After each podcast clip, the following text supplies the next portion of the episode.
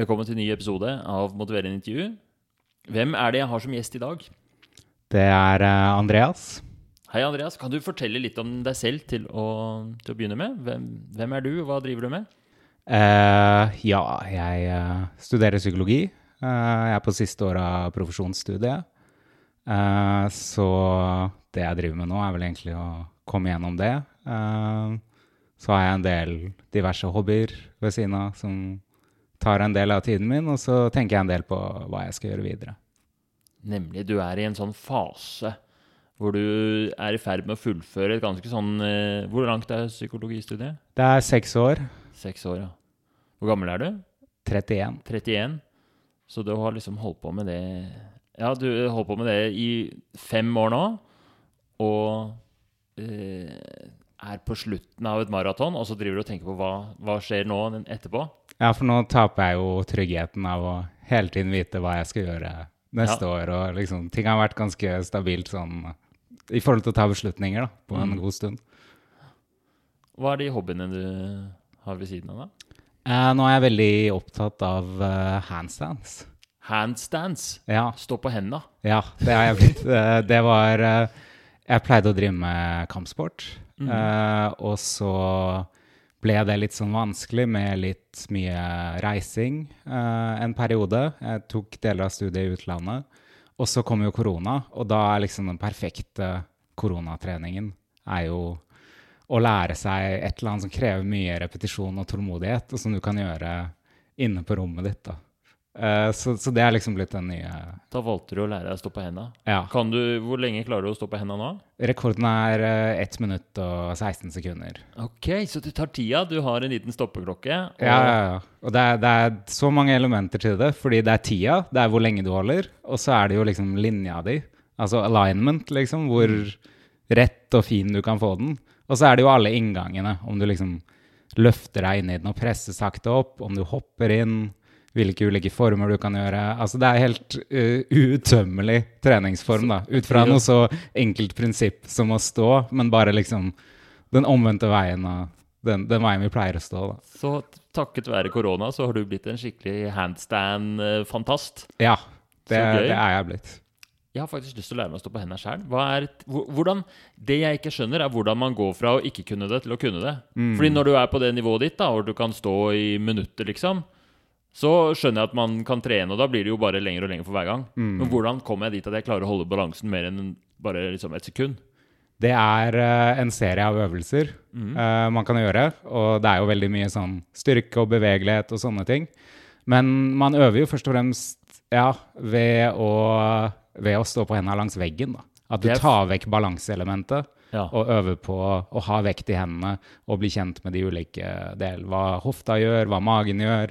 Hvor strammer du i beina, rumpa, hvor har du vekt i hendene, den type ting. Og så begynner du å øve på inngangene, da, og sparke opp i en handstand. Og ikke minst da å lære deg å falle på en trygg måte uten å rive ned ting rundt deg. Ok, Så hvis jeg lærer meg å falle på en trygg måte, eh, og gå opp og ned, liksom, og, og stå etter veggen så lenge som mulig, det er en god start for meg. Ja, ja, da vil vil det skje. Jeg er veldig glad for at dette intervjuet ble et eh, handstand-kurs for, for meg. Ok, så det er, Har du noen andre hobbyer ennå? å hva, eller kan jeg spørre først, Hva slags kampsport var det du drev med? Jeg drev opprinnelig med taekwondo. Mm. Jeg gikk på folkehøyskole og kom i gang med det. Så ble jeg litt interessert i aikido. Eh, Aikido, det er med sverd, ikke sant? Eh, opprinnelig med sverd, men de trener mest uten sverd. Ah, ja. Eh, og så dro jeg et år til Korea etter folkehøyskole og trente litt sånn tempelkampkunst da jeg var der, da. Oi! Ting som ikke er så kjent her, men som de på en måte hadde integrert med zen-meditasjon og med yoga og andre ting. Et år i Korea på et tempel? Ja. Å, fy søren, så kult! ja. Hvordan, hvordan var det? Eh, Det var, eh, det var intenst. Det er jo en sånn uh, referanseopplevelse i livet da, som jeg hele tiden på en måte ser tilbake til. Og, altså noe veldig annerledes. Ja, Du kan til enhver tid tenke sånn Ja, men dette her var ikke like ille som når jeg måtte stå opp klokka fem på tempelet. Ja, og så kan jeg også tenke at sånn, ja, det var litt lettere i tempelet hvor strukturen var gitt fra utsiden. Oh, ja. uh, så det er litt sånn begge deler, da. Men ja, det å bli søvndeprivert, for eksempel, eh, eller uh, måtte holde ut med smerte, er jo da liksom ting som man får en ja, jeg får en, en annen referanse på. da. Kan du fortelle noen av de der opplevelsene du hadde der, da, som du ser tilbake på? Eh, jeg vet ikke helt. Fordi det blir litt sånn forminsket når jeg snakker om det. Oh, ja. Og det er veldig lett at det blir litt sånn mystisk. Hvis jeg forteller om sånn opplevelser i meditasjon og sånn. Eh, så, så jeg er litt tilbakeholden, egentlig, okay. med å snakke om det. Fordi det blir, ikke, det blir liksom ikke akkurat det det var, da. Nå ble det jo bare enda mer interessant. Men hvis du har noen konkrete spørsmål, så, Ja. så uh, Ja, hvor mye mediterte du på en dag, liksom? Uh, Hvordan var en vanlig dag? Den var eh, Da hadde vi Vi sto opp sånn kanskje halv fire. Og så hadde vi noe sånn chanting. Halv fire. Var det en vekkerklokke som gikk, da? Eller Ja, hvordan? det var, det var en gong-gong. det var en gong-gong. Mm. Um, og så, så og Munken vekket oss, da, liksom. Mm. Han hovedmunken i tempelet. Og så har vi sånn chanting, altså sånn bønn, da, egentlig, som de synger. For det gjør de tre ganger om dagen i koreanske buddhistiske templer. Så det er bare del av opplegget. Og så etter det hadde vi trening eh, og meditasjon. Og så gjentok egentlig dette seg med sånn to-tre treninger utover dagen og litt praktisk arbeid og sånn. Og der hvor jeg var, da, så var jo liksom denne treningen og meditasjonen integrert, da. Så kanskje vi mediterte fire-fem timer totalt på en vanlig dag, og så hadde vi oss tilsvarende, da, sånn fire-fem timer med diverse trening eller yoga. Det høres jo helt, eh, på en måte helt utmattende ut, da. Ja, Hvor, hvor mye det er lange dager. Ja, lange dager. Når fikk du lov å legge deg, da? Um, hvis man var heldig, da, så kom man jo i seng sånn i nitida. Ja. Men det hendte jo at vi hadde noe sånn undervisning, noe sånn såkalte dharma talks, da, hvor Mm. munken snakker om uh, ja, ulike sånn elementer av zen eller buddhistisk lære eller sånn meditasjonsveiledning og sånn, og da kunne det jo strekke seg til ute i titida, og da, da ble man jo ganske trøtt. Uh, Var det mulig å få sove litt i løpet av dagen, eller? Ja, ja, alle gjør jo det. De ligger Ja. strødd i pausene. Det, Ja, det, er, det er sånn det er der. Ja, sånn, ok. Mm. Så Ja. Du henter deg inn i løpet av dagen. Jeg ble så bekymret for den søvnen. Hva følte du at du satt igjen med det etterpå? Altså, en sånn refer referanseopplevelse, liksom? Mm. Det er vel noe jeg eh, Ja, stadig vekk, liksom. Nå er det jo kanskje åtte år siden. Syv år siden. Det er i hvert fall noe jeg fortsatt prosesserer, da. Så jeg kommer på erfaringer derfra og kanskje forstår det med nytt lys nå, eller forstår det litt bedre. Um, men jeg vet ikke, jeg tror jeg bare fikk et annet forhold til min egen erfaring. Da. Mm. Vil du anbefale det? Eh, Hva vil du anbefale mest? Lære seg å stå på hendene, eller dra til Korea og bo i tempel? Mm, det er vanskelig. Um, jeg tror det å, å stå på hendene vil være mest tilgjengelig og praktisk for de fleste. Det, kan du, det vil passe godt sammen med arbeidsdagen din og skole osv. Um, men hvis uh, Det er jo enkelte som hører på dette som er yngre enn oss, uh, og som kanskje har den situasjonen i livet som jeg hadde da. At du liksom, du har ikke noe spesielt. da. Du har ikke noe spesiell skole på gang. Kanskje ikke noe kjæresteforhold. Ingen sånne ting som gjør at du, sånn, du må være der du er akkurat nå. Så da jeg tok beslutningen, så skjønte jeg at ja, det er nå jeg på en måte har anledning til å gjøre dette. Og med en gang jeg begynner liksom å ta opp fag eller starte på et studium eller liksom kommer inn i noe, da, så vil det være hindring etter hindring fra å gjøre det. Så blir det bare en sånn, en sånn drøm, da. Eh, som, en sånn fjern drøm som aldri ble til noe. Og man har det- jo en del av de i livet, det er greit, men, men i hvert fall så grep jeg sjansen, da. Hva var det som gjorde at du hadde lyst til å prøve det? Eh, Da hadde jeg vært på folkehøyskole i et par år, eh, og vi hadde vært på studietur i Korea. Og jeg hadde også vært en stund alene i det tempelet etter studietur med han munken, så jeg syns vi hadde en god connection. Um, så ja, det var egentlig bare en sånn naturlig fortsettelse, da. At jeg ville, ville se om jeg kunne lære noe mer. At det var et eller annet med dette meditative som jeg ble kjent med gjennom kampsporten, da. Uh, og det var et eller annet med det jeg ville gå dypere i, da, som fascinerte meg. Og så så jeg på en måte anledningen til å gjøre det. da. Har du, er det noen av de der praksisene som henger med fortsatt? Ikke så mye. Uh, nå toucher vi, vi toucher innom temaet, da. Uh, fordi temaet er at jeg vil begynne å meditere igjen. ah, ja. for uh, samtalen i dag. Men De andre tingene det har liksom falt bort, fordi det jeg drev med der, eller det vi lærte, var på en måte en treningsform som det er veldig få andre her som kjenner. Og det er jo fint å gjøre noe som flere driver med, da. Um, så jeg driver ikke så mye med det lenger. Jeg, jeg driver fortsatt med en annen sverdkampkunst, da, som også er koreansk, da, hvor vi er en litt større gruppe som driver med det. Så det er liksom, utenom handstands, så er det den treningen jeg driver med nå. Um, ja. Nå har jeg faktisk glemt spørsmålet ditt. Om jeg fortsatt er noen praksis med det? Ja, litt sånn ja og nei, da. Uh, Ja. Jeg driver ikke med den konkrete treningen lenger. Du slåss fortsatt med sverd, men du mediterer ikke om meditasjon. Det irriterer deg? Det er det, eller det er det du vil ha motivasjon til? Det, det var en utmerket oppsummering. Ja. Mm. Det er jo spennende. Før vi går i gang med meditasjonen, hva, kan du si mer om den der sverdkampkunsten? Hva heter den, og hva er det? Det heter kyongdang. Kyongdang? Ja, kyongdang. Det er sånn koreansk militærkampkunst. Um, som er trent litt sånn ulike steder i verden. Uh, og her i Oslo da, så er vi så heldige å ha en uh, master som også var treneren min på folkehøyskole i taekwondo. Og han er også master i dette systemet, kyongdang. Da. Han, han trente med stormesteren i det systemet før han døde. Uh, så vi har treninger litt sånn sporadisk noen ganger i måneden og øver mye selv. Og ja, det er en- satt sammen av en haug med sånne mønstre, uh, både alene og som man går i par, og ulike teknikker som kommer fra en sånn gammel koreansk militærbok da, fra 1700-tallet Oi. og som igjen er basert på noen eldre kilder, og som han derre Granmaster Lim, som han het, da, uh, gjenoppdaget um, på et eller annet tidspunkt rundt andre verdenskrig, Uh, og, og trente seg opp i dette mens han var i, i Det er en, en spennende historie, egentlig, mens han var i sånn japansk fangenskap. Det var mens Korea var okkupert av Japan.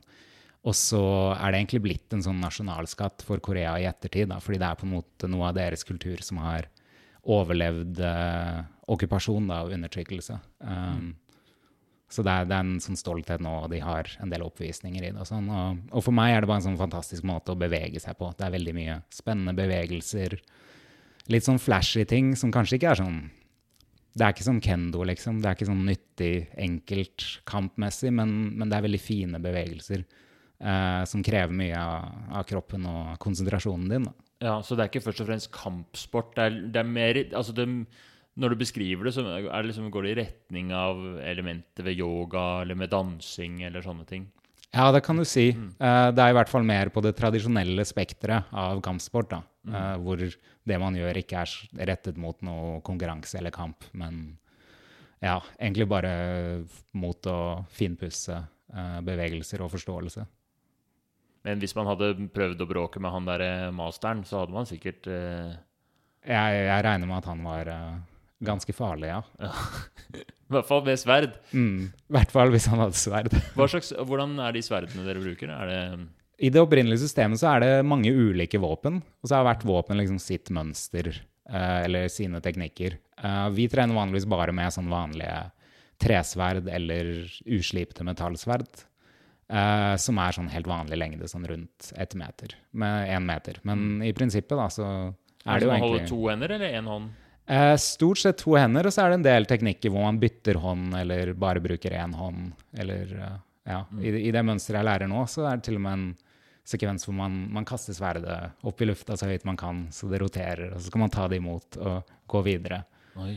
Og igjen, det er jo sånne ting som kanskje ikke er så kampnyttig. Nei, men, det hørtes ut som en tåpelig ting å gjøre hvis det sto om livet, men uh, veldig kult hvis det er en oppvisning. Nemlig. Og heldigvis har jeg jo ikke tenkt meg noen sverdkamper eh, i livet mitt. I hvert fall ikke i den nærmeste fremtiden. så da, aldri. Da blir det disse morsomme tingene isteden. Få sånne nye elementer, måter å bevege seg på, som, som er veldig interessant for meg. da. Dette var veldig spennende. Jeg merker jeg har lyst til å spørre mer og mer, men vi må, altså dette er jo et motiverende intervju, og Yep. her er det jo eh, Det er ikke jeg som skal få dekket min nysgjerrighet, først og fremst, men du som skal få uh, få lov å, å ja, få utforske et eller annet du vil ha motivasjon til, da, eller få hjelp med noe. Mm. Så hva er det mm, Vi var jo litt inne på det, men kan du prøve å beskrive litt sånn hva er det du vil? Det er denne meditasjonen. Um, jeg, um, jeg vil meditere. Uh, jeg har uh, masse gode grunner til det. Uh, og allikevel så gjør jeg det ikke. Eh, og gang på gang på gang så, så gjør jeg det ikke. Så ja, jeg tenkte det er jo perfekt motiverende intervjusak, og, og det er liksom noe jeg uh, i, til tider kjenner litt på hver dag, da. Det er egentlig noe som du Ja, du kjenner på det hver dag. Det er kjempeviktig for deg. Og Og jeg, jeg kan liste opp så mange gode grunner, og så allikevel så skjer det ikke, på en måte. Ja, nei, men du skal få muligheten til å liste opp gode grunner. Det er jo noe av metoden. La, men la oss eh, dykke litt mer i det, hva det betyr å meditere. Da. Hva er liksom, Når du sier at du vil meditere, hva, er, eh, hva vil det si? Hva eh, Det er ikke sikkert alle vet helt hva meditasjon er, og, og, og, og også liksom hvor mye er det å meditere? Hvis vi begynner der, da. Ja.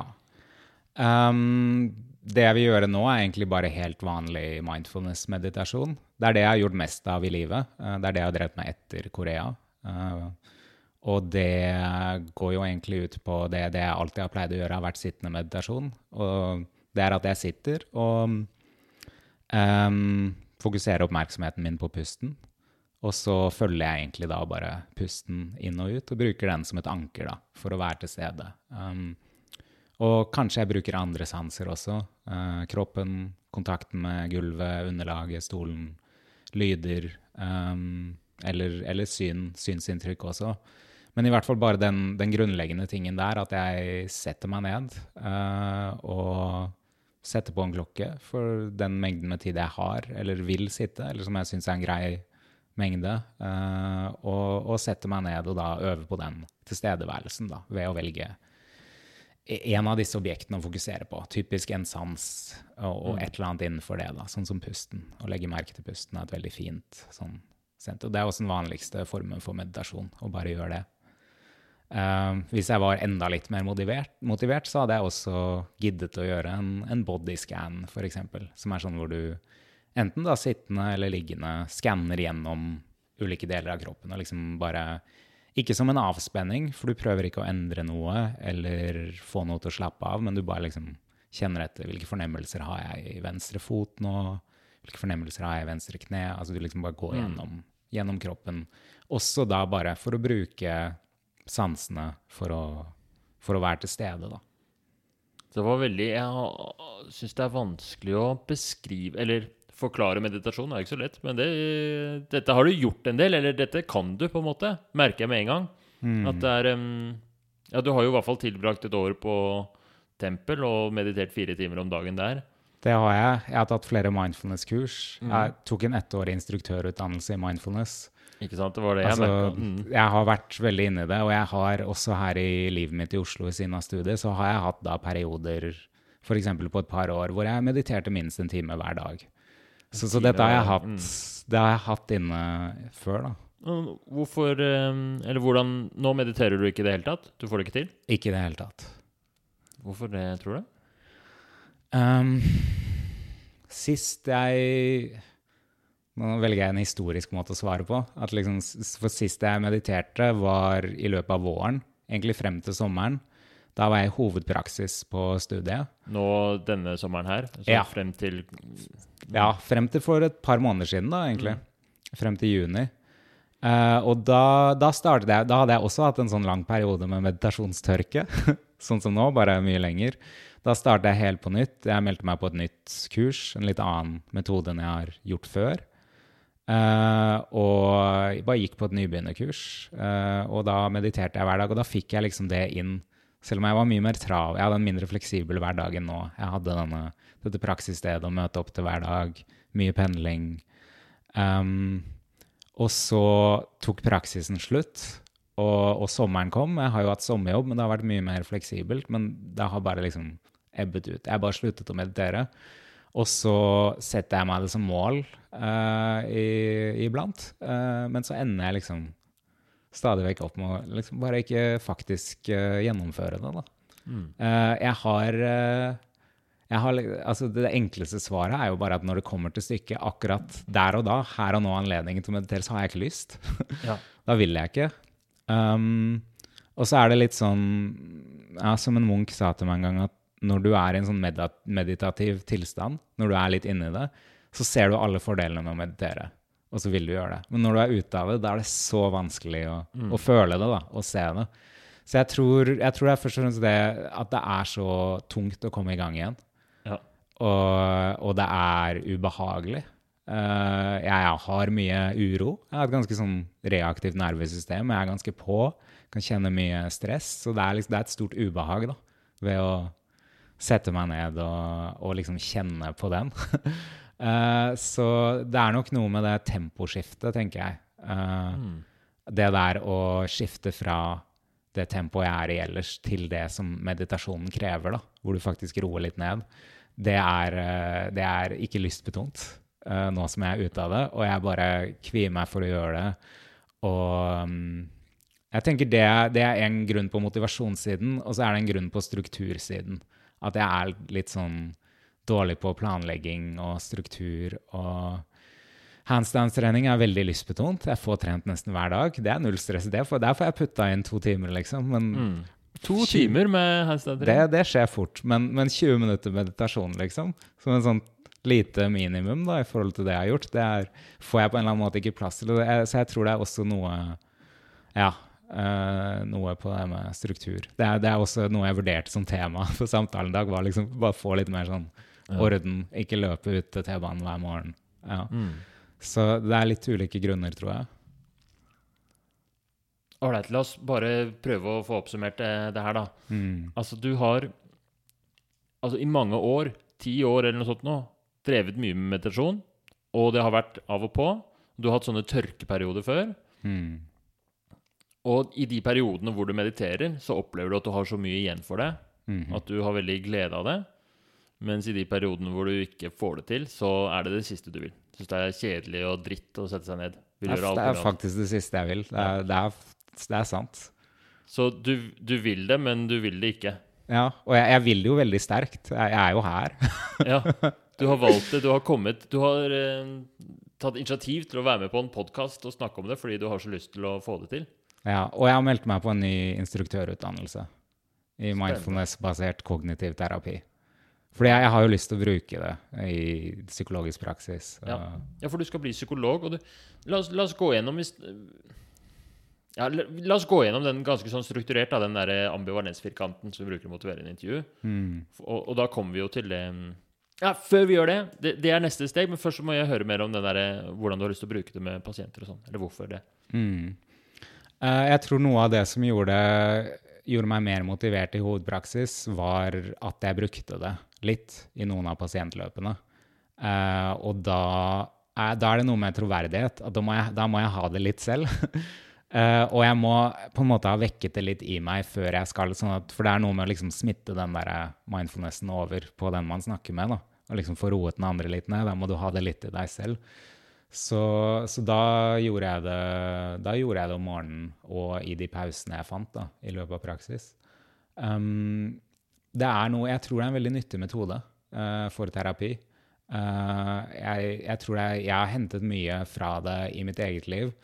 Det er mange studier som tyder på at det er mye å hente der. Uh, og det er på en måte et perspektiv da, på hvordan man kan forholde seg til erfaringen sin, og et perspektiv på psykisk helse som er veldig forlokkende for meg. Da. Så det er jo egentlig noe jeg vil kunne bruke for å kunne lære det bort, da, overføre det eh, til, eh, til pasienter som jeg tror kan ha behov for det. Men det er også bare for å gjøre meg til en bedre terapeut. At når jeg ankommer en time, så er jeg til stede i meg selv. Jeg er litt klar over hvordan jeg har det i dag, hvilke tanker jeg har i hodet, stressnivået mitt. Jeg er litt, og jeg er litt sånn landa i meg selv. Jeg er ikke inne i masse tanker og stress, men jeg er liksom litt til stede i øyeblikket her og nå. Og jeg har tiden til å trekke pusten og kjenne litt etter på hva som skjer, hvordan andre har det, og, og tenke meg litt om før jeg svarer eller før jeg sier noe. Uh, Jeg Ja. ser for meg hvordan det kan være nyttig når du å, og ha litt den der eh, meditative roen eller den tilstanden litt langt framme når du skal inn og snakke med pasienter. Mm. Og jeg, en, jeg blir jo en fersk psykolog. ikke sant? Jeg er jo ganske fersk på dette, så jeg er jo stressa. Jeg er ganske stressa i samtaler med pasienter. Uh, og da tenker jeg det er veldig fint å bare ha landa litt i meg selv, sånn at jeg bare klarer å skille F.eks. hvis jeg har lyst til å gå fort videre da, eller snakke mer, at jeg klarer liksom å skille sånn, ah, vent, det er mitt stress, men sånn som han har det nå, så trenger han at vi roer det litt ned. Altså Bare at jeg har den tilstedeværelsen, da, den tror jeg kan, kan bidra til at jeg får med meg mer av det som skjer, og gjør meg til en bedre terapeut. La oss gå inn i mm, ambivalensfirkanten. Yes. Vi skal snakke om fordeler og ulemper ved å ha det sånn som du har det nå, og ved å gjøre en endring. Men bare for å liksom konkretisere den endringen, da. Fordi du har snakket om eh, Du har snakket litt om sånn eh, 20 minutter, sa du på et tidspunkt. Og så har du snakket om i de pausene du kan, at hvor mye Eller uh, skal vi konkretisere endringen først? Hva ville vært liksom godt nok um, Hva ville du vært fornøyd med? Hmm. Den er Det er et veldig, veldig bra spørsmål. For jeg tenker der er jeg ofte tatt for hardt i. Så um, um, Det jeg kunne ønske meg, var jo en time hver dag. Jeg vil jo egentlig tilbake til det. Men hva jeg hadde vært fornøyd med Jeg tror jeg tenker nå at konsistens er viktigere enn mengde. Så hvis jeg faktisk gjorde ti minutter, men jeg gjorde det hver eneste dag, så, så hadde jeg vært strålende fornøyd med det. Kjempebra. Mm. Det er jo Regelen min er jo at man må halvere pasientens eh, ambisjon. Så da blir det fem minutter, faktisk. Oi, oi, oi. Ja. Hva skjedde nå? Hva, eller hva tenkte du om det? Um, jeg, tenker, jeg tenker det er veldig lite. Og så samtidig tenker jeg at det er ingenting i vei, verden som kan stå i veien for fem minutter. Selv om det jo er det, da, tydeligvis. Men ja. Greit. Fem minutter. Ja. Så får du heller um, le, legge løpet etter hvert, da. Men jeg tenker fem minutter er Selv om det, du sier det er ingenting i verden for det, så er det fryktelig mange som ikke får til å meditere fem minutter hver dag. Ja. Og jeg er kanskje en av dem, til og med, så Ja. jeg skjønner det jo veldig godt. I hvert fall de siste månedene. har Mm. det vært sånn. Men OK, la oss, um, la oss um, gå gjennom firkanten, da. Hva er fordelene ved å på en måte bare fortsette sånn som nå? Mm. Skal vi se Det er jo uh Det er jo det å få være i den derre tralten, da. Å få være litt sånn hyper, eh, litt på. Kanskje drikke en eller to eller tre kopper kaffe mer enn jeg ville gjort hvis jeg kjente litt etter. Um, det er vel noe jeg liker med det, da. Uh, det å ikke være helt til stede. Um, Være i tralten. Jeg likte det begrepet. ja, bare være på fra det ene til det andre.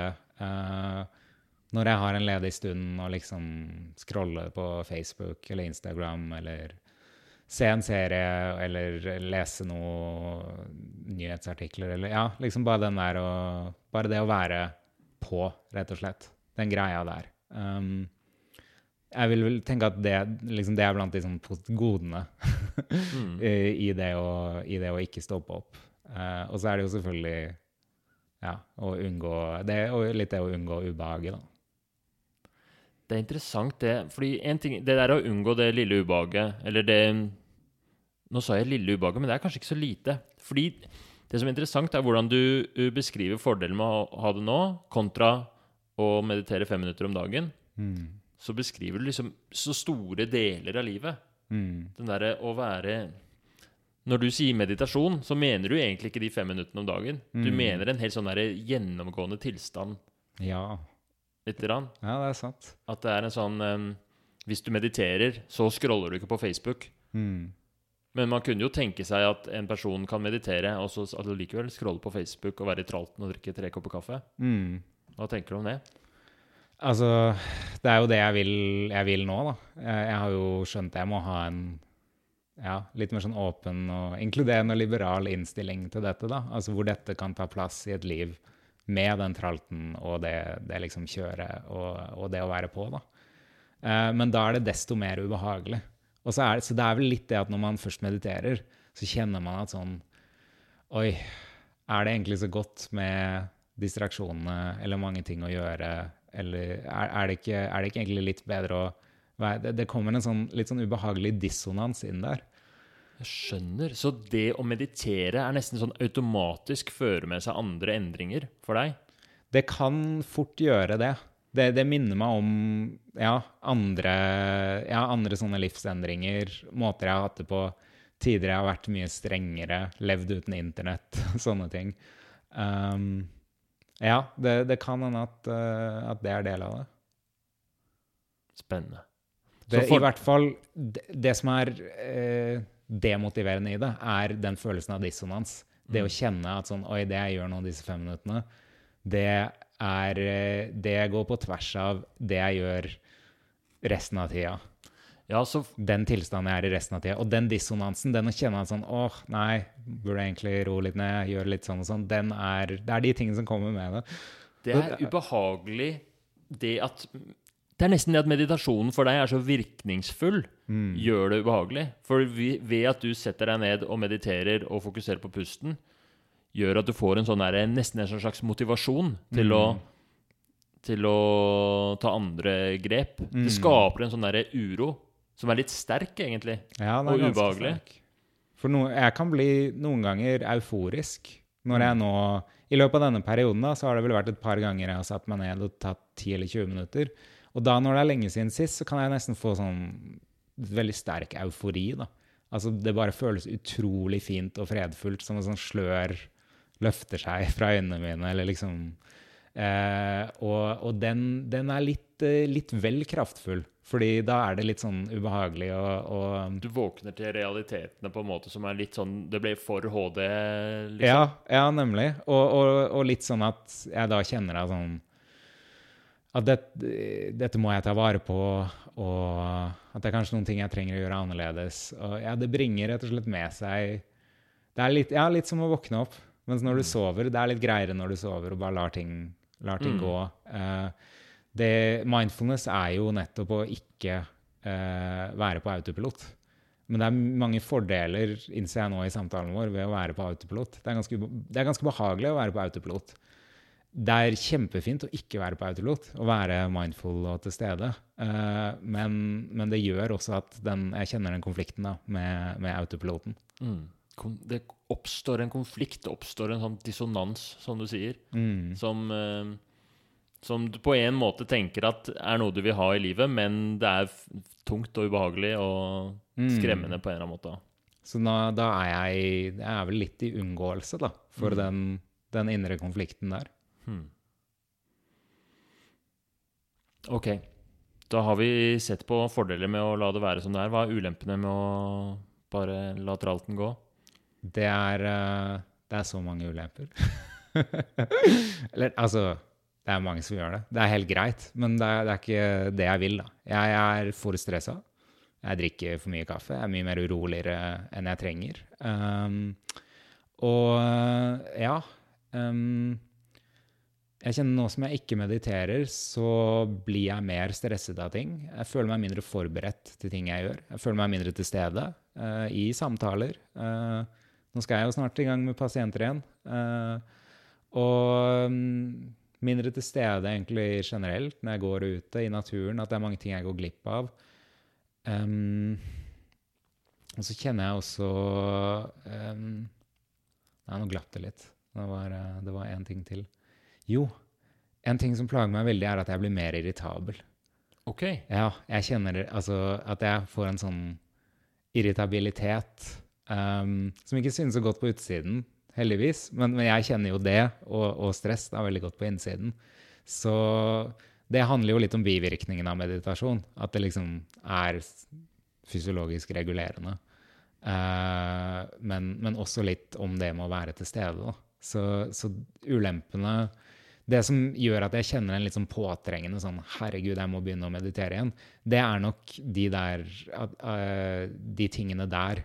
Det der at jeg kjenner at jeg er mindre regulert, mer urolig og mer irritabel. Mm. Det ser du på som store ulemper i hverdagen din. At det er De Ja. der følelsene der er ikke noe behagelig. Du vil ikke at det skal være sånn. Mm. Og på sikt så, så tenker jeg jo det preger arbeidet mitt, relasjonene mine og definitivt livskvaliteten min. Det er det er merkelig hvordan meditasjon har den der effekten der. det- Jeg har jo litt erfaring med meditasjon selv. Jeg husker en gang jeg var Møtte på eh, tilfeldigvis Dette er en digresjon. Men jeg møtte på eh, tilfeldigvis eh, to eh, Jeg var i Australia, satt på en kafé, og så kom det to eh, damer inn som hadde vært på meditasjonsleir i en uke eller noe sånt nå. Mm. Og hvordan de hadde en sånn derre fantastisk sånn utstråling, og, og de var så blide og rolige, og var, de var helt sånn magnetiske i, eh, i, i um Jeg vet ikke hvorfor jeg kom til å tenke på den historien, men det er et eller annet med, med Da skjønte jeg at Eller da fikk jeg i hvert fall inntrykk av at meditasjon har eh, en sånn ganske sånn sterk effekt på hvordan man eh, hvordan, Hva slags eh, energi man stråler ut, og hvordan eh, vibes man gir til eh, de rundt seg. Mm. Ja, og jeg, jeg har jo også vært der. At jeg har vært i sånn lange, stille, intensive meditasjonsperioder. Sånn som sånne retreats eller andre ting også i Korea. Og så jeg har nok kjent på noe av det, i hvert fall hvordan det der kjennes ut fra innsiden. da. Uh, og også framstått annerledes på utsiden, vil jeg tro. Så det kan hende at en av ulempene også, da, for å gå tilbake til det, ved å begynne å meditere igjen, er at jeg begynner å kjenne litt på den identiteten. At jeg vil tilbake til det. Men det krever mye mer enn bare en fem minutter eller ti minutter eller 20 minutter per dag. Det krever en mye større investering. Eh, så det kan hende at dette fort lander i en sånn alt eller ingenting-greie for meg, nettopp fordi jeg i perioder har hatt så store, gode doser av det. da, At det har blitt så definerende for livet mitt. Og så blir det jo en identitet. ikke sant? Jeg, jeg vil jo være en person som er til stede med erfaringen min, og ikke en som, som flykter fra den. Ja, for det er, den jeg snuser på. Akkurat det du sa, er den derre alt eller ingenting-greia. Yep. At når du Når, når liksom vi skulle konkretisere det, og det handla om ti minutter eller fem minutter om dagen, så fikk du sånn derre sinne i, i deg. Det er liksom på et eller annet måte ikke godt nok, da. Ja. Det er akkurat det jeg kjenner. At liksom, det er ikke godt nok. For jeg har jo allerede tenkt at ti minuttene ikke er godt nok. Og ti minuttene er jo halveringen av 20 minuttene, som ikke er godt nok. Og timen, den er et OK minimum. ikke Det er et minimum. Ja, så det er det. Men, men da blir det jo til slutt Jeg ser jo at det går jo ikke an. Eh, fordi det blir jo noe som er vanskelig å gjennomføre. Bortsett fra når jeg er skikkelig inne i det. Det kan jeg komme inn i igjen, men kan jeg opprettholde det for alltid? Har jeg fleksibiliteten til, at, til å la det gå opp og ned? Um, og dessuten, så hvis også ambisjonen min er å lære dette bort til andre og til pasienter, så, så kan jeg, jeg må jo kjenne til selv, da. Jeg tenker jeg må kunne få til selv å gjøre en liten eller moderat mengde, og ikke én time pluss. For det er for mye å be mye å be noen om, da. Og, Ja, og, og også da begynner vi å komme opp i doser som jeg ikke ville anbefalt en pasient, da, for eksempel. For det er ikke, det er jo ikke ubetinget bra for, for helsen din. Det kan jo være ganske intenst. Hva ville du anbefalt en pasient, da? Hvis, hvis jeg var en pasient som liksom du tenkte her er det du har nytte av Ja, hvis jeg forsa- for, sa at jeg har, blir så lett stressa og har mye uro, og jeg vil gjerne ha noe som Et eller annet jeg kan gjøre litt hver dag som kan eh, stresse meg litt ned. Mm. Hva slags doser ville du tenkt at det var greit for meg? Da hadde jeg jo tenkt fem eller ti minutter. En sånn liten greie. Mm. Og for avhengig av en ja. rekke ting, da. Ja. Selvfølgelig. Uh, om det er noe traumeproblematikk eller noen ting som gjør at personen burde være spesielt forsiktig da. Det er kanskje ikke anbefalt mindfulness i det hele tatt, da, men pusteøvelser eller noe som bare er ren regulering. For mindfulness har jo det, det er jo, Dette er jo del av pakka hvorfor det er ubehagelig. Det har det elementet at det er ikke bare regulerende, men det handler om å være med det som er der. Og det er ikke alltid behagelig. Jeg kjenner jo på mye uro, og jeg har det ikke alltid bra. Og da må jeg være der med det. Uh, så, så det er nok den grunnen til at jeg ikke vil meditere, er nok en ganske vanlig grunn til at mindfulness er ubehagelig. Og det er jo at du må være med det som er der. Og det er jo ikke nødvendigvis det vi vil. Vi vil være avslappa. Ja. vi, vil være vi vil ha de gode effektene. Men de gode effektene kommer jo av at du liksom er med det som er der, og tåler det og lar det være der. Og det krever litt effort. Eh, det krever mer enn å være på autopiloten. Ja. Så det er jo der motivasjon kommer inn da, som, som problem. Nei, dette var veldig interessant. Ok, vi har to, to bokser igjen av den firkanten. Yes. Så hvis du skulle begynne å meditere, da Mm. den, den mengden som du syns var eh, perfekt. Mm. Og mm, La, oss, la oss starte med fem minutter. mm, fem minutter. Hva ville vært fordelene med det? Um, først og fremst så ville jeg jo fått de positive bivirkningene. Jeg hadde fått roa meg ned litt. Jeg hadde vært litt mindre stressa, eh, litt mindre irritabel. Um, og jeg hadde følt meg litt mer til stede. Landa litt mer i meg selv. Og da sekundært kanskje liksom gjort bedre beslutninger, vært litt bedre å være med. Jeg tror jeg hadde vært mindre sliten. Jeg hadde tålt bedre hvis jeg får lite søvn. Jeg hadde også fått bedre søvn. Um, så jevnt over så burde jeg hatt det bedre. Det burde også hjulpet mot smerter og andre ting. Det er også en, en sterk faktor. Jeg sliter med IBS, som har blitt verre de siste årene. Og det jeg har merket i løpet av praksis, var at IBS, hva er det for noe? sånn irritable bowel Ja, syndrome mm. Altså, jeg har rett og slett veldig mye vondt i magen.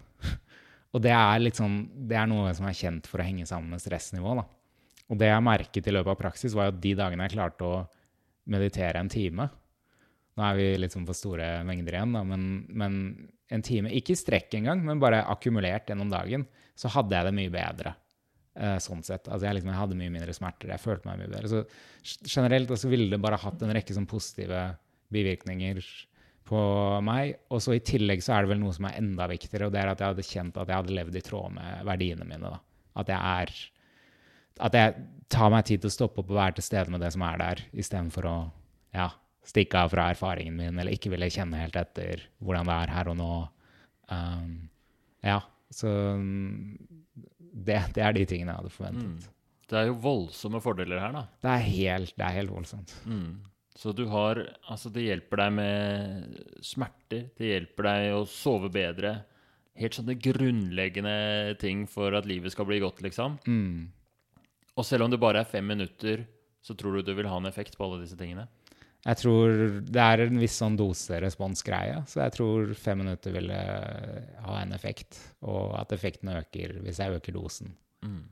Og at den avtar etter en viss dose, da. For da blir du så til stede at det er ja, litt for ubehagelig, eller du blir litt for gira og sånn. Men uh, et eller annet sted der en sånn liten til moderat mengde tenker jeg bare ville hatt positive effekter, da. Mm.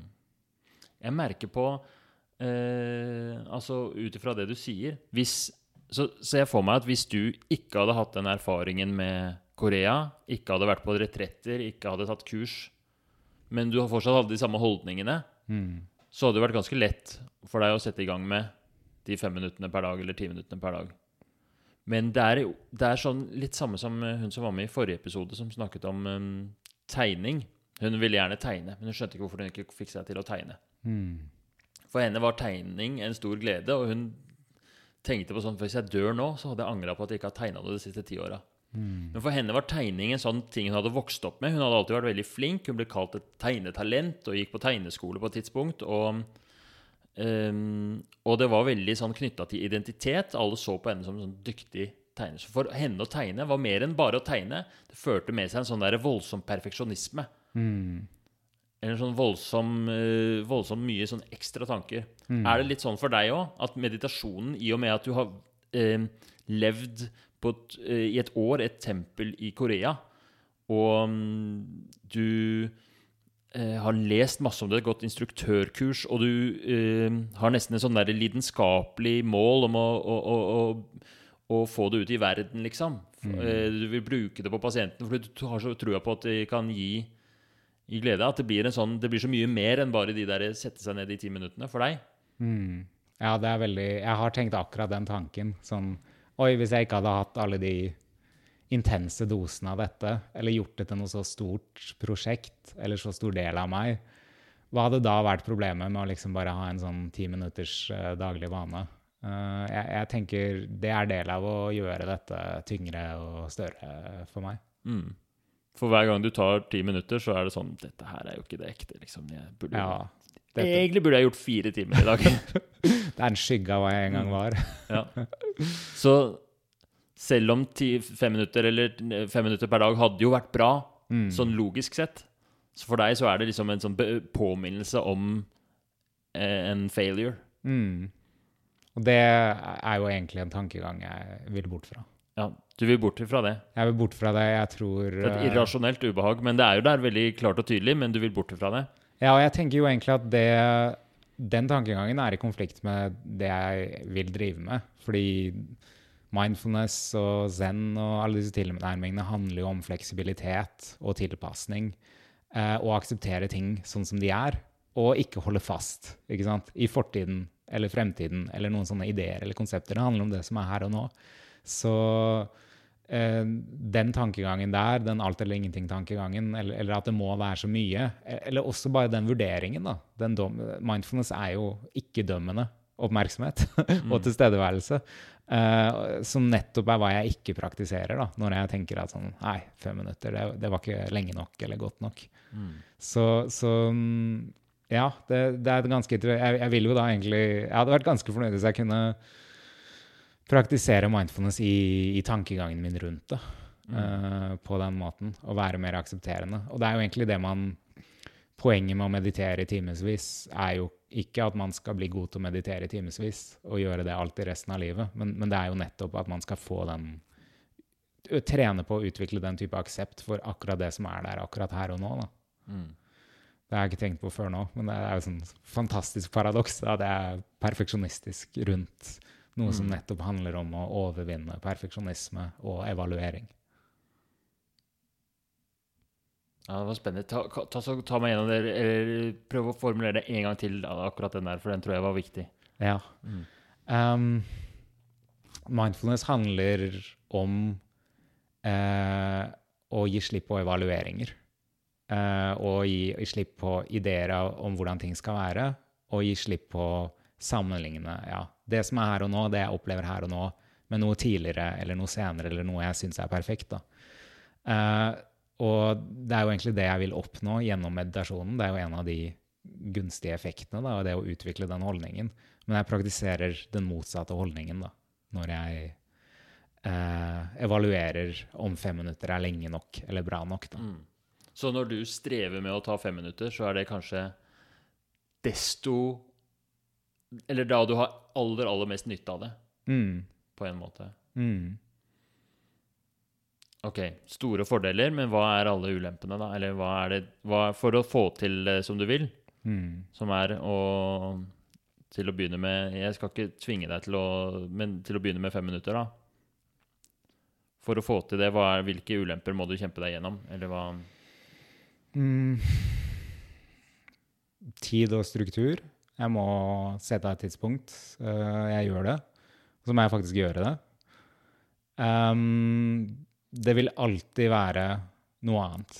Det vil alltid være en eller annen ting i veien. Altså det Hvis jeg skal gjøre det før jeg går ut, så vil det alltid være noe som kan spise opp den tiden. Det er masse jeg gjerne vil gjøre før jeg går ut døra. Uh, hvis jeg skal gjøre det med en gang jeg kommer inn, så kan det være lett være noe annet. Jeg skal bare gjøre det først, eller det. Um, ja. i det, det, det vil alltid være noe. Små ting um, uh, som, som, vi, som jeg vil oppleve der og da, står i veien, og som gjør at jeg kan pushe det til senere. Der har vi nok utsettelse. Ja. Ja. Så øh, hvis du skulle få til dette her, så ville ulempen være at du hadde måttet stå i masse sånne derre Mm. Du hadde måttet liksom krige deg gjennom alle disse tendensene. Ja. Er det noen andre ulemper med å gjøre det? Med å liksom, at du får det til? At jeg får det til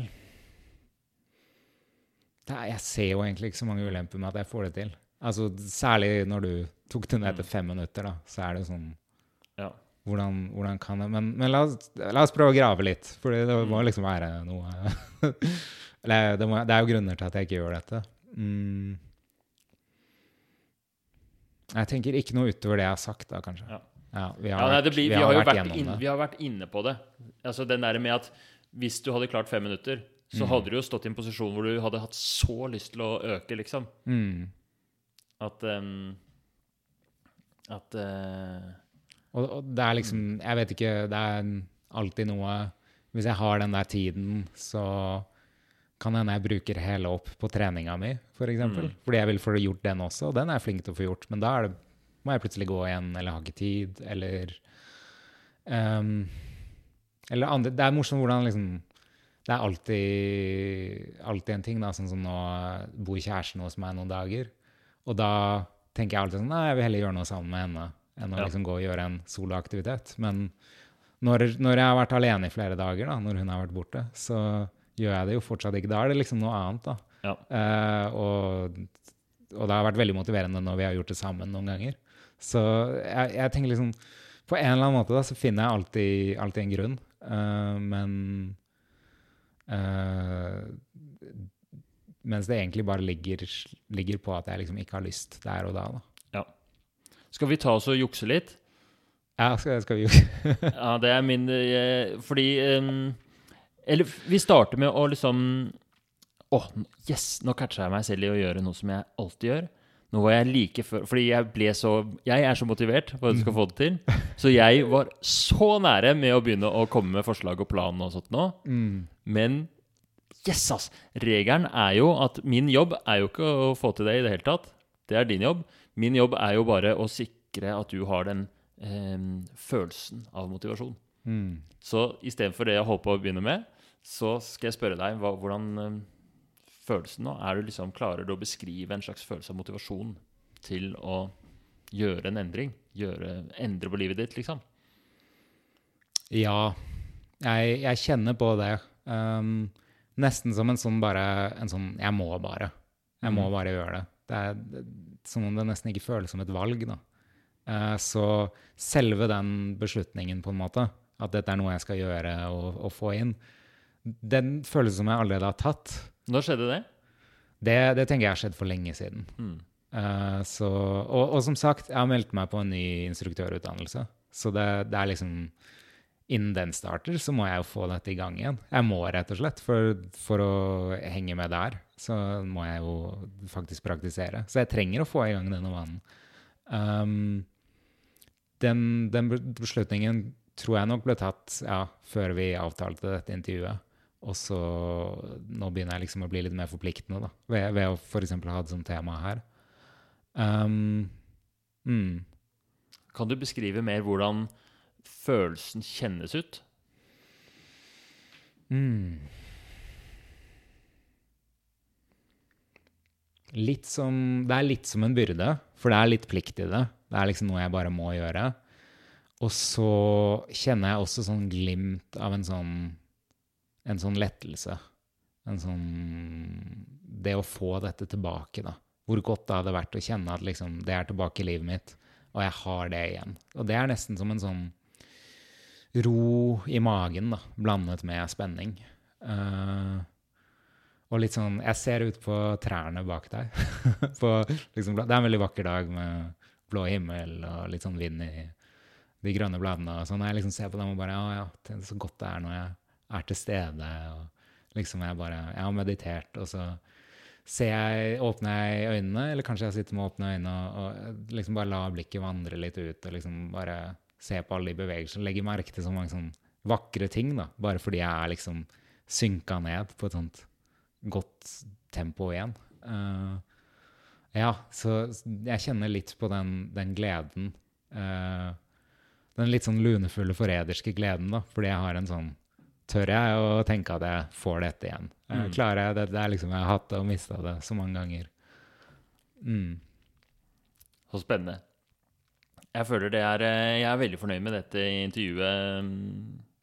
Jeg eh, syns det er så spennende å høre om det med meditasjon.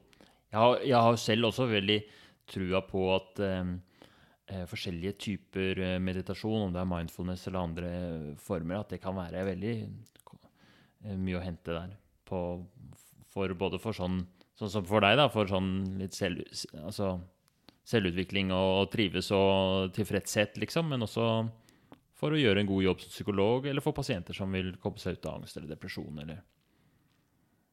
Hva, hvordan er det med altså, Fordi forskningen viser at det er, eh, det er ganske sånn solide data på at meditasjon er god behandling for enkelte former, er det ikke det? Eh, det er det. Eh, og så Det er jo et felt som er i mye utvikling nå, og det forskes mye på, for det er jo ikke nødvendigvis gunstig for eh, alle. Så det er kanskje noe jeg kunne snakket mye om, da. For der er det litt paradokser i forskningen at, at mindfulness-meditasjon er jo noe du, du gjør det ikke for å prøve å oppnå en viss tilstand. Men når vi skal måle effekt i terapi, så ser man jo på um, så, så ser man jo på utfall, da, om Ja. liksom symptomer er bedret eller endret. Så da bruker vi på en måte mindfulness til noe annet, men samtidig så virker det jo fysiologisk nedregulerende, stort sett. Ja, så det blir liksom paradoksalt, fordi hele greia med mindfulness er å på en måte Hvis du sitter og 'Å, jeg skal bli frisk av depresjon', 'Å, jeg skal bli frisk av depresjon', det er vel det motsatte av mindfulness. mm, Så øh, skjønner. OK. Um, øh, jeg lurer på sånn Vil du at vi skal ta litt sånn konkrete sånn planting nå? vi kan godt gjøre det. Hvis du har lyst? Jeg har lyst. Mm. Så da bare har jeg masse spørsmål som jeg lurer på. Har du noe sånn klokkeslett for når du har tenkt å meditere? Mm. Jeg syns det er en stor fordel hvis jeg har gjort det før, uh, før jeg starter dagen. Altså før jeg går ut hjemmefra. Ja. Det er også da det er vanskeligst å få gjort det. Men, Hvorfor men fordi den tida, den, den bare går unna. Jeg, Ja. jeg elsker å drikke kaffe lenge og lese ting og Ja. sånt. Og, og så vil jeg trene litt og gjøre litt yoga. Altså liksom bare, tida bare går, og så plutselig må jeg spise frokost og dusje og løpe ut på ti minutter. ikke sant? Ja. Så, men det er en enorm fordel om det skjer før jeg går ut døra. For da har jeg det med meg. Da er det lettere å gjøre det igjen i løpet av dagen hvis jeg kjenner at jeg trenger å roe meg ned litt og samle Ja. meg før en, før en pasienttime, da, f.eks. Mm. Så det er egentlig det jeg vil.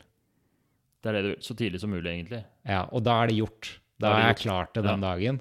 Da er jeg, da er jeg i gang. Og, og som sagt, det øker sannsynligheten for at det skjer igjen, bare av lyst. Bare fordi jeg vil tilbake til det. For da har jeg fått Ja. kontakt. Hva, har, du noen, har du noen sånn metode eller sånn for å registrere om du har gjort det eller ikke? Sånn der, har du sånn lapp, og så sjekker du av for dagen, eller noe sånt? Nå har jeg ikke det, men jeg, jeg har hatt det i perioder når jeg har trengt å komme i gang. Mm. Og så har jeg liksom forlatt systemet når jeg er i gang. Og så på et eller annet tidspunkt så slutter det jo. Ja. Det er typisk. Det er sånn som du, øh, pasienten også gjør. De elsker å slutte med ting som funker. Mm. Det er helt sjukt. De er sånn 'Å, det funker så sjukt bra med den derre eh, Sånn derre timelogging. Jeg føler meg mye bedre, så nå har jeg tenkt å slutte med det. det gjør det alltid. Um, eller 'Å, den medisinen er dritbra, nå har jeg ikke stemmer i hodet lenger, så jeg vil gjerne slutte med den'. Ja. Men um, hvordan system var det du brukte da? Um, jeg har uh, Iblant uh, bruker jeg jo uh, meditasjonsapper mm. hvor det er en timer. Uh, det er veldig fint å ha uansett. Og da har de appene også ofte en mulighet til å logge. Så Ja, har det vært veldig greit. Da har det liksom bare blitt logga der fra dag til dag. Men jeg har også liksom hatt et notat oppe på mobilen hvor jeg Mm. bare skriver inn for hver dag om jeg har meditert, og eventuelt hvor mye. Um, Eller hvor mange ganger. Uh, og, og så har jeg jo hatt lapper, da, på ja, fysiske, vanlige lapper, liksom, Ja. på skrivebordet eller på veggen. Eller, ja. Jeg liker alle disse metodene, fordi de er sånn fysiske, konkrete, og du får litt sånn glede av å sjekke av og ha system i det. Men du har jo tre, fire, fem forskjellige systemer. Det går Mm. ikke. Det er altfor mange. Ja. Det er et kaos. ja, det er det. Du må tror bestemme deg for én. notat på mobilen har vært det beste. Det er det beste. Da skriver jeg det inn selv. Uh, Er det ett notat som liksom blir lengre og lengre? Ja, Mm. det er det jeg har pleid å gjøre. Eller, eller et Excel-ark. Mm. Jeg Nå er kan det kaos igjen. Nå er det både Excel-ark og notat på mobilen. Uh, kanskje jeg skal La oss gå for notatet. Okay. For det er det aller enkleste å gjøre. konge. Mm. Og så eh, På den forrige så er det også litt kaos, for du vil gjøre det så tidlig som mulig. Men det er liksom sånn, hva skal gjøres først? Er dette viktigst? Eller er yogaen viktigst? Eller trening viktigst? Eller frokost? Eller er, eh, hvilken rekkefølge skal ting gjøres i? Dette er egentlig den viktigste tingen av alle. Det er det viktigste av alt. Egentlig er det det. Ja. Men, da- men det hadde vært fint å få en kaffe først. Så, så re rekkefølgen er kaffe, meditasjon, og så resten. Ja, ja det gir mening. Kaffe, meditasjon Det er vel egentlig Det er egentlig samme for meg Mm. uh, hvilken rekkefølge ting gjør i, men i hvert fall så så er det jo fullt kaos her da med disse rutinene og Så det er fint å få rydda opp. Det er, det er fint å rydde opp, men Jeg tror det som skjer, er at jeg står opp, og så tar jeg kaffen og sitter med den en stund og leser og holder på- på med noe. Og hvis jeg holder på med noe sånn studie- eller jobbmessig, så kan jeg jo bli litt inni det. Og, og bli litt gira og holde på med det en stund. Så kommer det litt an på jeg, har når jeg har stått opp, hvor mye tid jeg har. da. Jeg liker å stå opp tidlig. Jeg liker lange morgener. Jeg liker den kaffetiden. Men så, på et eller annet tidspunkt, er jeg sånn Nei, nå begynner det å bli litt utpå morgenen her. Nå må jeg få gjort yogaen min og sånt. Og så går jeg inn i det, og da går liksom resten av morgenen. Så jeg tror det må inn etter kaffen der. Det må ta prioritet over noen form for liksom yoga, trening, sånne ting, da. Ja, så du får ikke lov å drive Du får ikke lov å gjøre yoga før du har meditert. Nei, det er det jeg tenker. Ja, du får ikke lov å Men hva med den der, får du lov å lese den der boka di før du har meditert? Ja, det syns jeg nesten jeg må få lov til, for det, det koser jeg meg så veldig med. Bra. Og så er det, det er ikke så kult å meditere, i hvert fall hvis du er sånn morgentrøtt, sånn som jeg er, da, så er det ikke så kult å meditere når du nettopp har våkna. Ja, nemlig. Og da, for da halvsover du, liksom. Da, da får, så du skal liksom være litt, litt våken. Så, så jeg tenker jeg kan få kaffe først. Ja, greit. Konge. Ja, men det er bra. Du må jo ikke. Du kan jo også droppe meditasjon helt. Ja, men, men jeg, jeg vil jo. Du vil jo det. Ja. Ok. Ehm, hvem, ehm, hvem skal eh, støtte deg, bortsett fra nå 1000 lyttere, da, kommer jo til å heie på deg. Men um, Det er jo en stor hjelp, selvfølgelig. mm, Det er flere enn en før. ja. Men hvem eh, skal du involvere? Hmm. Det har jeg ikke tenkt på. Litt, søke litt sosial støtte. Uh, jeg kan jo Kunne jo valgte meg ut et par eh, folk til uh, accountability, liksom. Til å spørre om jeg har gjort det.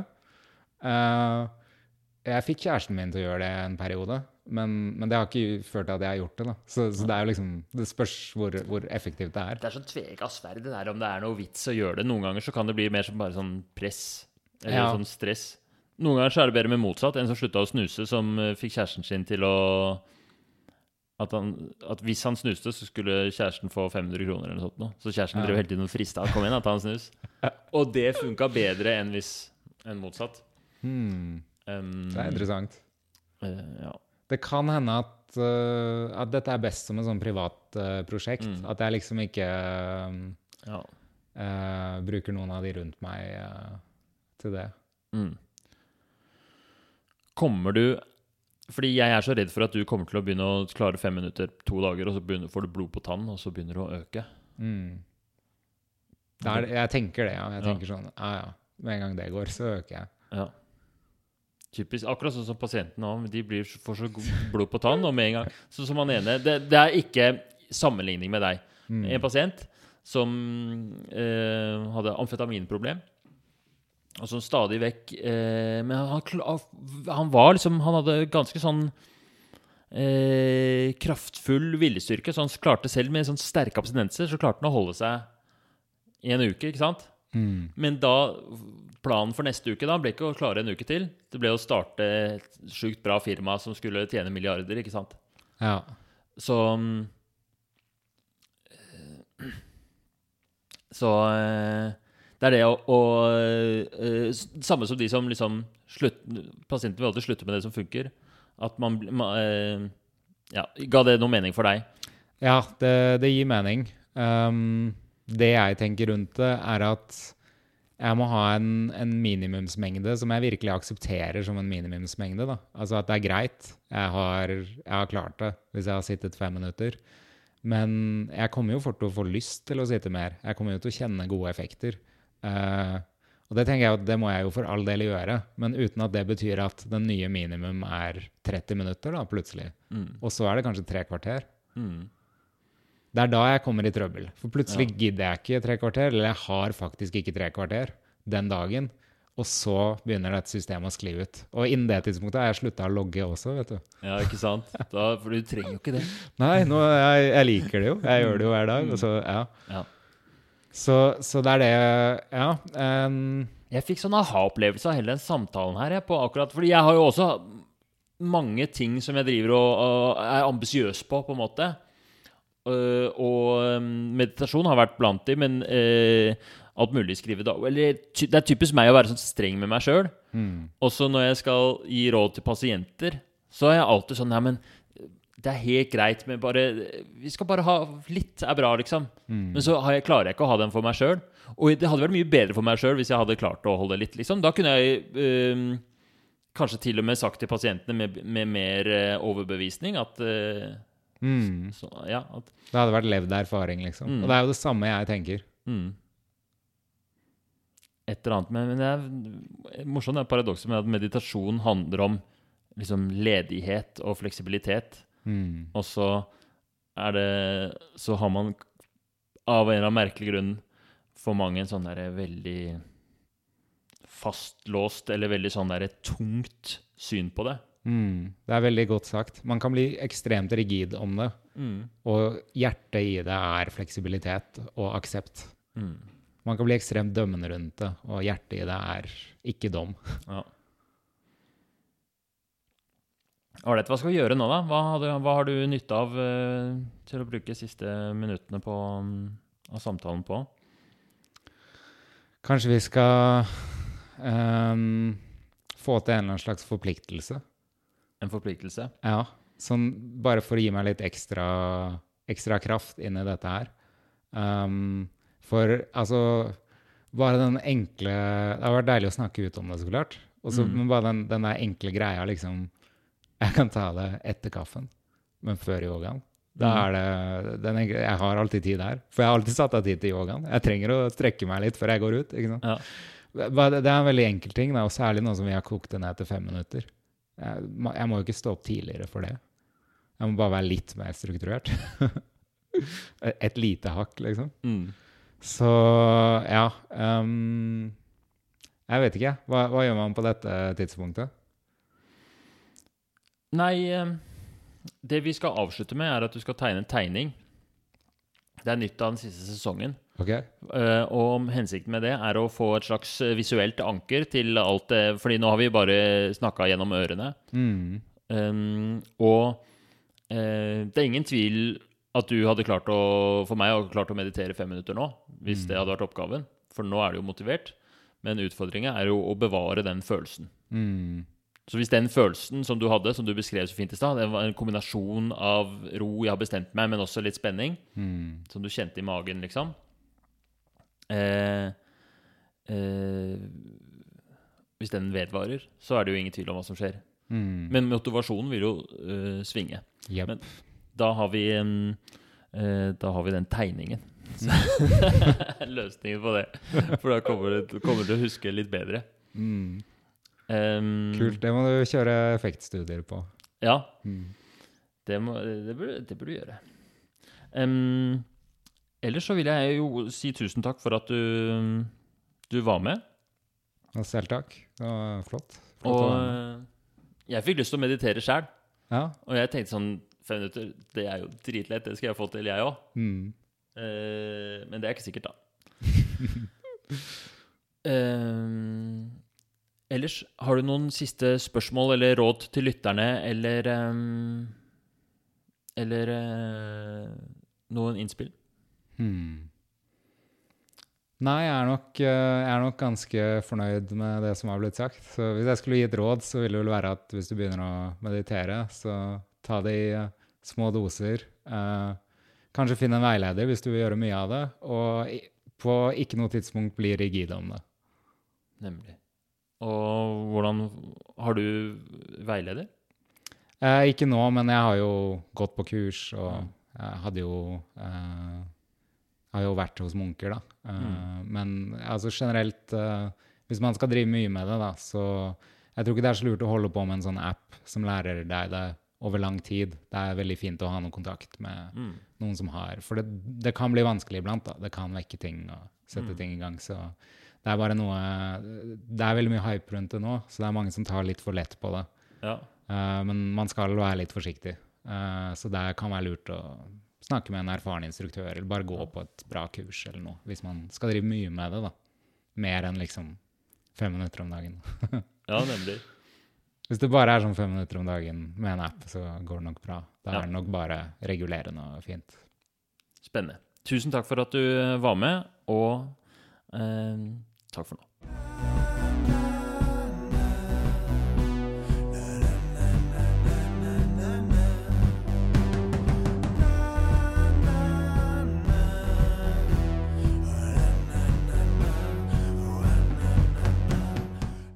Ok, velkommen til Ettersnakket etter denne episoden med Andreas.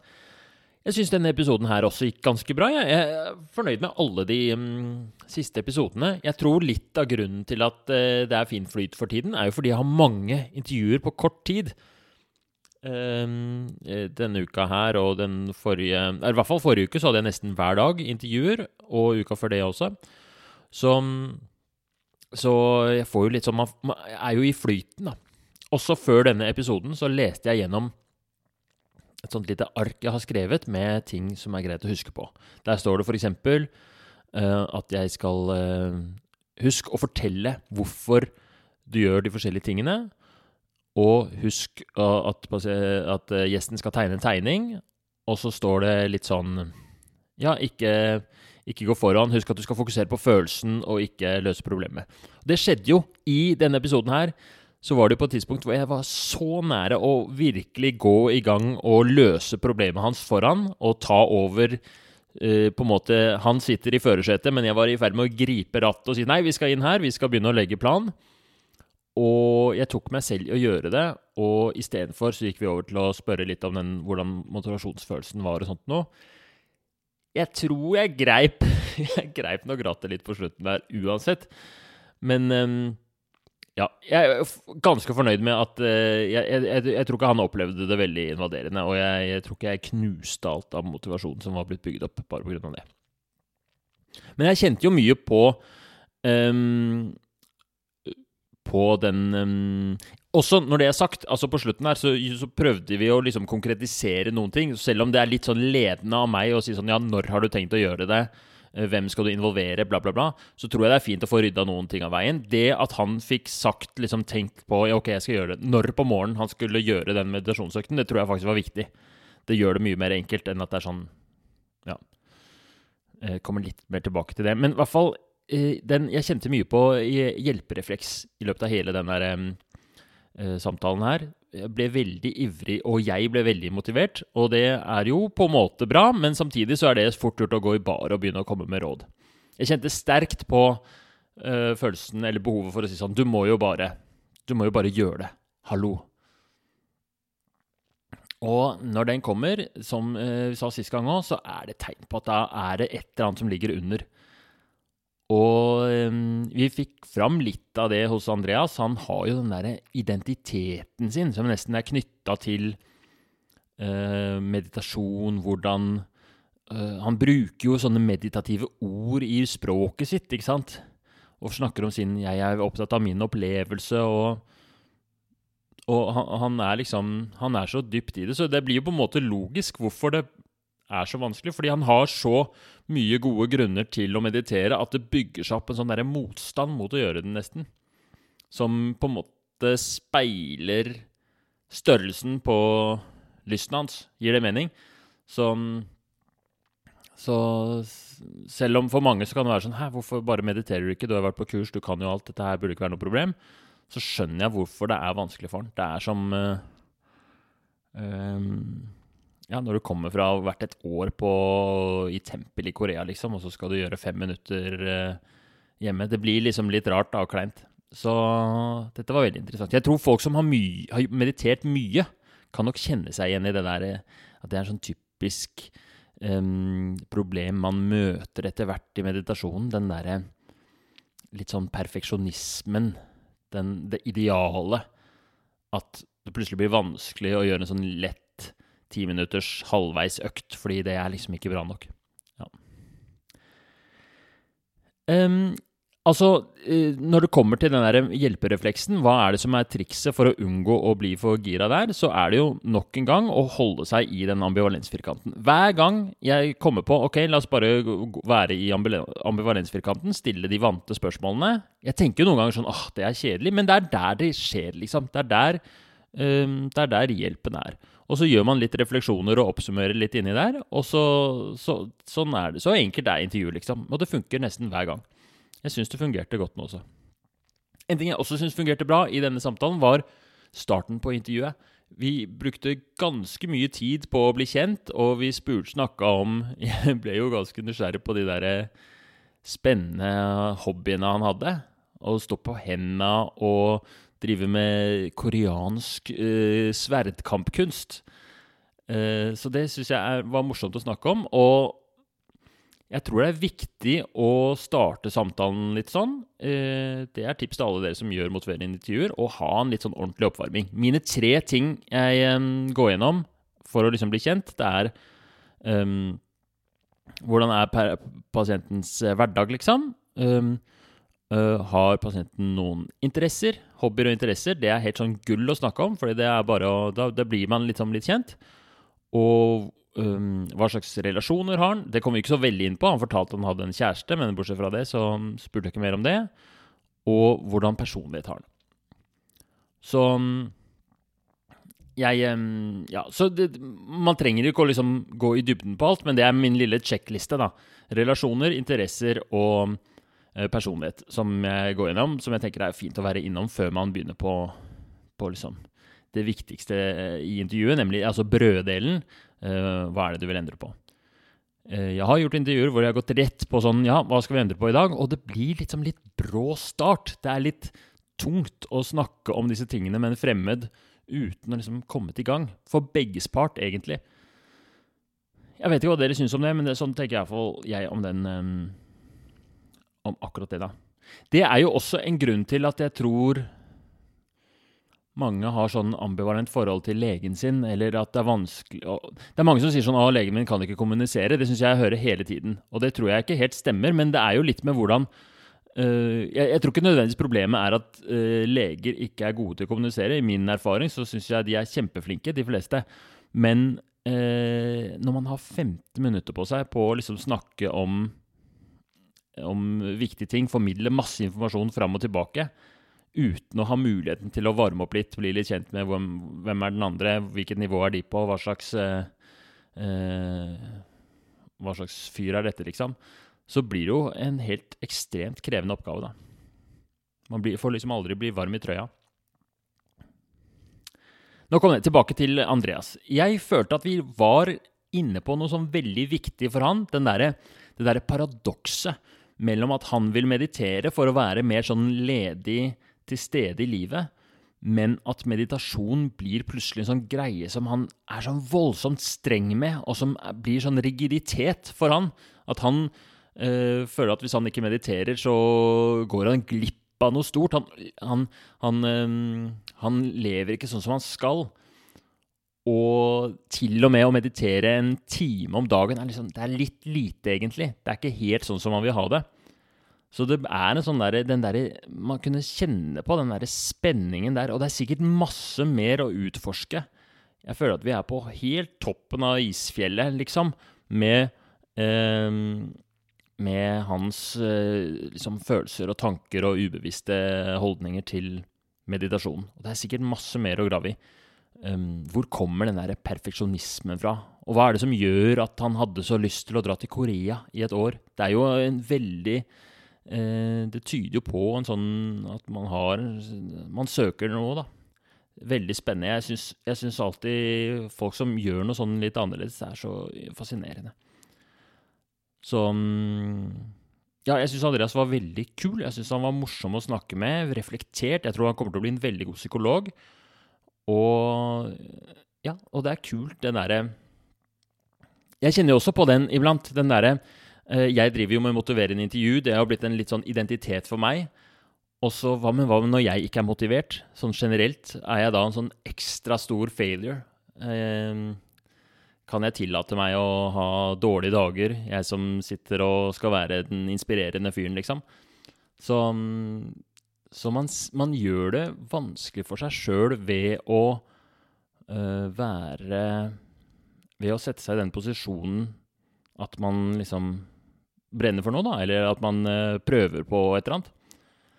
Uh, ja, så dette kunne vært Dette kunne man godt eh, Skulle gjerne hatt et par timer til med Andreas og fått utforska enda mer. Men det var i hvert fall det var veldig spennende og, og, og den timen vi hadde, og fikk masse ja, jeg syns det var både lærerikt og interessant, og mm, jeg håper han får til det med meditasjonen. Vet du hva, på slutten, jeg innser at jeg har ikke helt trua ennå på den. Merka dere det samme som meg? At den meditasjonen, selv om vi kom litt inn på det på slutten, den derre planen hans med fem minutter per dag, og han skulle gjøre det etter kaffen og sånt noe, så var det et eller annet som lå mellom linjene der. En eller annen motstand som jeg fanga opp, men som vi ikke liksom fikk eh, tatt helt brodden av. Jeg føler ikke at han er helt ferdig snakka om de greiene der. Fordi det var jo fortsatt en helt kaotisk plan. Uh, fordi Én uh, ting er ja, de fem minuttene, og så kanskje skulle han øke etter hvert, men er det egentlig noe sånn skal han øke? Han snakka plutselig om at ja, hvis jeg gjør det på starten av dagen, så kan jeg gjøre mange flere ganger i løpet av dagen. Det er ikke noe Den derre meditasjonen for han er ikke bare konkret, men det er også sånn han skal gjøre sånn lystbetont hele veien. Han vil jo helst leve livet sitt i en sånn halvmeditativ uh, Ja, det er et eller annet der som gjør at dette blir litt sånn vanskelig. Jeg tror det hadde vært lettere hvis han hadde hatt et eller annet sånt program. At, uh, sånn som det var når han var i Korea, liksom. Da var det du, Gongongen ringer halv fire. Da skal, da, skal, du meditere i fire timer. Det er på en måte lettere for han enn at han kan meditere når som helst, bare fem minutter. Men han kan jo gjerne gjøre det litt mer også.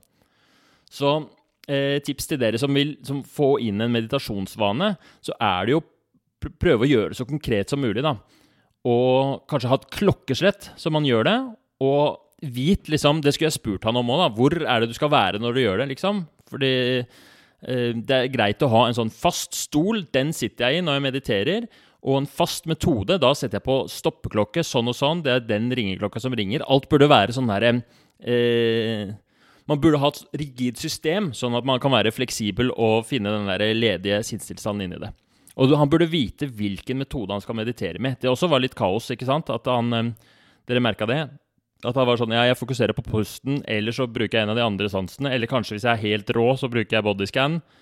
Det er det beste, men Så så her også blir det uh, en, Det at han er så god på å meditere, har opplevd og uh, lært så mange forskjellige metoder, gjør det faktisk vanskeligere for ham. Det blir sånn som eh, Hvis man skal gå og trene, hva betyr det, liksom? Eh, jeg skal ut og trene nå, men hvis jeg ikke vet hva slags trening, så blir, kommer jeg jo bare til å sette meg på sofaen. Jeg må vite skal jeg drive med styrketrening, hvor mange repetisjoner, smukk, smukk, smukk, hvor, uh, hvor tungt, hvilke øvelser. Eh, så, så, det Ja, jeg angrer litt på at jeg ikke tok den delen enda litt til med han, at vi kom fram til Eh, kanskje han bestemte seg for Nei, disse ukene her så skal jeg drive med den typen meditasjon. Jeg skal gjøre det i den stolen, jeg skal gjøre det på det klokkeslettet. Og det skal holde med fem minutter. Og jeg skal ikke gjøre det mer, enda mer konkret, da, bare for å komme i gang. Gjøre det lettere. Yes. Er det noen andre som har noen tanker om eh, meditasjon, fordeler og ulemper? Har dere um, um, Ja, fordi jeg er, jeg er, ikke helt Hvordan er det egentlig det funker med øh, Fordi jeg har hørt sånn Å, det er dokumentert effekt på depresjon, og det er dokumentert bekreft, effekt på angst. Men jeg har ikke lest de studiene. Jeg har ikke helt oversikten. Så hvis noen har det, så er jeg interessert i å vite det. Ellers så så, så har, fortalte Andreas meg etterpå at han gjerne ville skrive en oppdatering på den uh, motiverende intervjugruppa vår. Så det kommer uh, ca. en uke etter at at denne legges på lufta.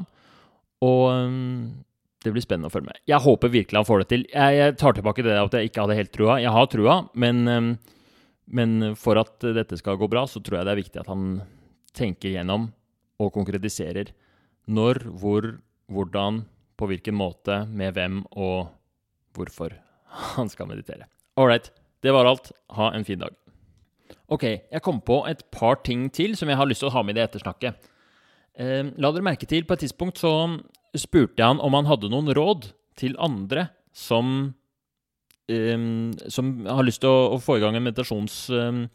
Eh, det er jo et sånt triks som lettere lar seg gjøre på, på podkasten, men man kan gjøre det i en vanlig sånn terapeutisk samtale ved å spørre f.eks. Uh, har du noen råd til um, deg selv for fem år siden? Eller hvis du hadde en person i samme situasjon som deg, hva ville vært rådene dine? Og fordi eh, de rådene ble jo veldig gode. Han kom med tre råd. Det ene var ikke være så veldig rigid. andre var um, få en, um, en, veileder. Og det tredje var gjør det enkelt. Ta start med en liten dose. Det er jo akkurat det han trenger å høre selv, ikke sant? Men det er de samme rådene som han av en eller annen grunn har litt motstand mot, da. Uh, så fikk dere også den tanken at, at eh, de rådene var jo perfekt for han? Altså, det er akkurat ja. Så jeg hadde nesten lyst til å si sånn Ja, men hør på dine egne råd, da! Det, det, det gjorde jeg på en Ja, heldigvis ikke. Men ehm, ja, jeg liker i hvert fall veldig godt å, å, å, å stille det spørsmålet. Da syns jeg alltid det kommer så veldig mye fornuft fram. Ehm, hvis, man, hvis dere tenker å få i gang meditasjonspraksis, praksis, hvorfor ikke gjøre det til en sånn felles greie?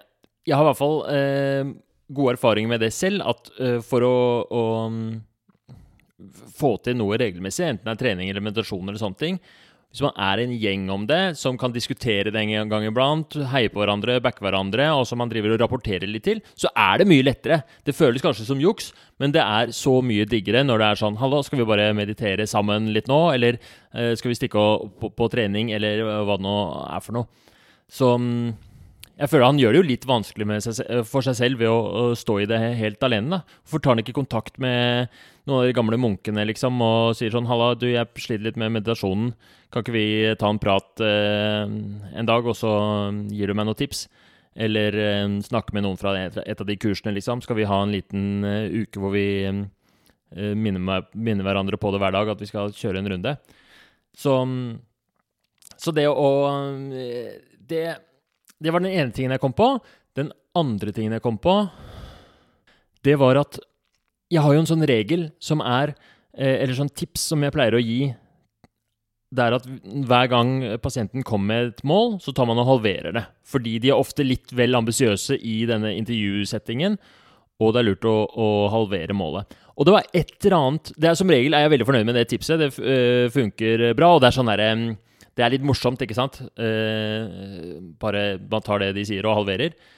Men i denne sammenhengen så er det et eller annet med at hmm, Det funka liksom ikke. Og det å gjøre ti minutter til fem minutter eh, Jeg følte at det var et eller annet med at jeg eh, tok litt vel mye styringen når jeg gjorde det på den måten. Mm, hva, hva tenker dere om? Fikk ikke dere også en litt sånn rar følelse på akkurat den der når det ble fem minutter? Man kunne jo halvert det på andre måter også, f.eks., eller redusert forventningene. Det der med at man absolutt skal halvere, er jo ikke nødvendigvis en sånn derre Men man kunne sagt sånn eh, det, Kanskje det er bra nok hvis du gjør det annenhver dag, eller kanskje det er bra nok hvis eh, du gjør det én gang i uka. Altså, det er mange måter å Jeg føler at eh, nøkkelen for at Andreas skal få det som han vil, er jo at han klarer å slippe den der anspentheten som er knytta til meditasjon. Den der, eh, den voldsomme jaget etter å ville meditere. Hvis han klarer å slippe det, og være sånn Samme for meg om jeg mediterer, men jeg syns det er digg, så jeg gjør det en gang iblant. Hvis det er den holdninga han har, istedenfor den derre 'jeg må få det til', jeg skal tvinge meg sakte, men sikkert opp til uh, der jeg er, for da veit jeg jeg får så mye ut av det. Nei, dette her er så spennende. Jeg kunne, kunne sitte og brainstorma om dette her i år og dag. Jeg tror aldri jeg hadde eh, kommet med noen nærmere mm, noen sånn sannhet eller løsning på det. Det er ikke noe fasitsvar. Um, nå tror jeg jeg trenger en liten meditasjonsøkt, faktisk. Så nå stikker jeg og kjører eh, fem minutter i stolen, og så, så snakkes vi.